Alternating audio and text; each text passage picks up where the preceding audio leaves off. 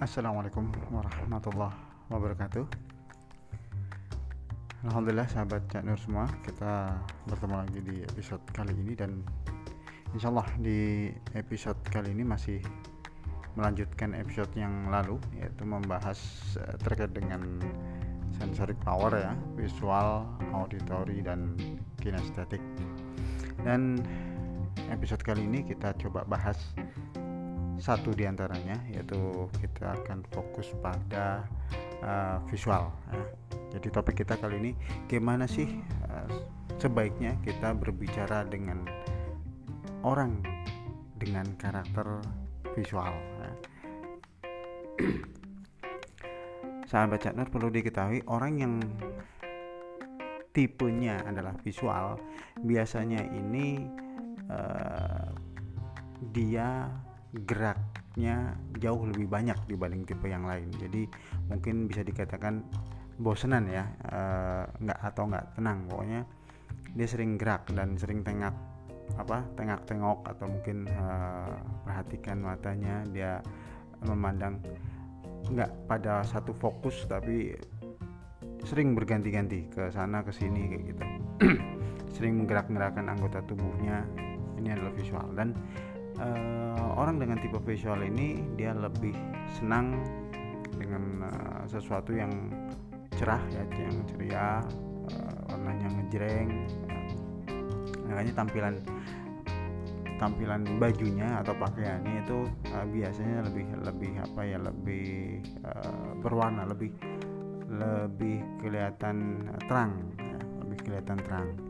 Nah uh, kalau kemarin kita sempat bahas uh, cara apa penyampaian kalimatnya biasanya menggunakan indikasi kalimat-kalimat uh, yang mengandung uh, unsur penglihatan seperti kata melihat, memperhatikan, kemudian uh, menggambarkan atau yang lainnya yang memang uh, kalau kita telah kata-kata ini memiliki unsur penglihatan, ya, unsur unsur-unsur dari uh, indera penglihatan.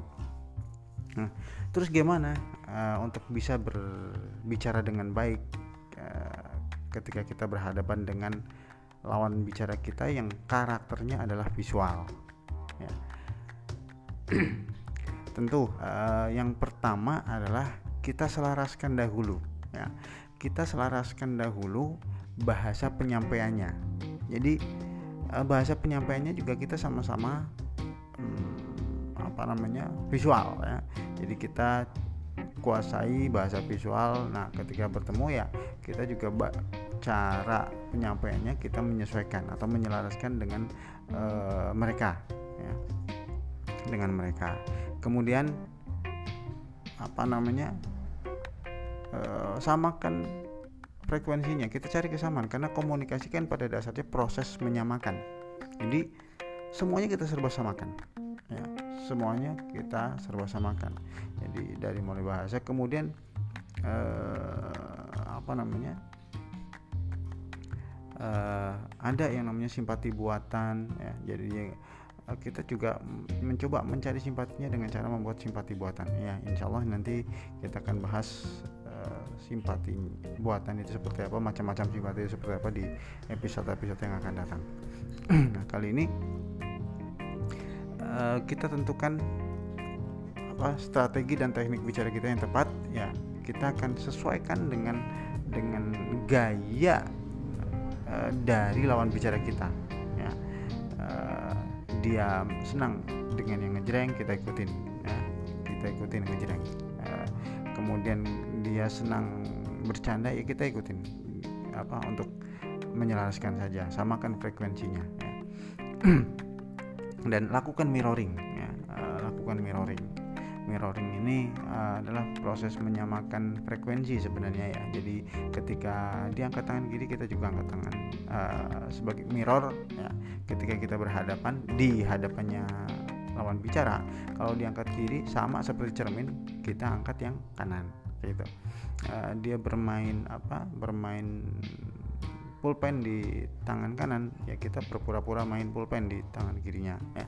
Jadi hanya sekedar menyamakan frekuensinya. Ketika karena ketika kita sudah sama frekuensi sama seperti siaran radio kalau frekuensinya udah pas 68,5 misalnya itu nggak ada kresek-kresek ya. Uh, suaranya itu jelas ya, gitu. Jadi nggak ada noise nggak ada nggak ada ya suara yang terdengar ketika kita mendengarkan siaran radio. Nah sama begitu juga kita kalau kita sudah sama frekuensinya dengan lawan bicara kita insya Allah uh, lawan bicara kita akan mudah menangkap apa yang kita sampaikan.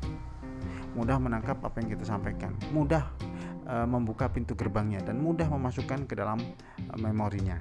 Kayak gitu. Apalagi kita menyelar bisa menyelaraskan. Sehingga uh, komunikasi atau proses menyamakannya benar-benar bisa diterima oleh lawan bicara sehingga lawan bicara kita akan dengan mudahnya membuka pintu gerbang dan menyimpannya dalam memorinya kurang lebih seperti itu gambaran dari apa namanya uh, berbicara strategi dan teknik bicara kita untuk menyesuaikan dengan lawan bicara yang karakternya adalah visual. Untuk auditori dan kinestetik kita akan bahas di per, apa di episode berikutnya ya. Jadi silakan dinantikan ya untuk episode podcast Cak Nur bisa hanya modal bicara di episode mendatang. Oke, tetap saya tetap semangat. Eh, satu quotation dari saya memandanglah sejauh kita mampu berpikir. Jangan hanya berpikir sejauh kita mampu memandang. Dan gunakan akal kita untuk terus berpikir dan berpikirlah untuk terus berbagi manfaat.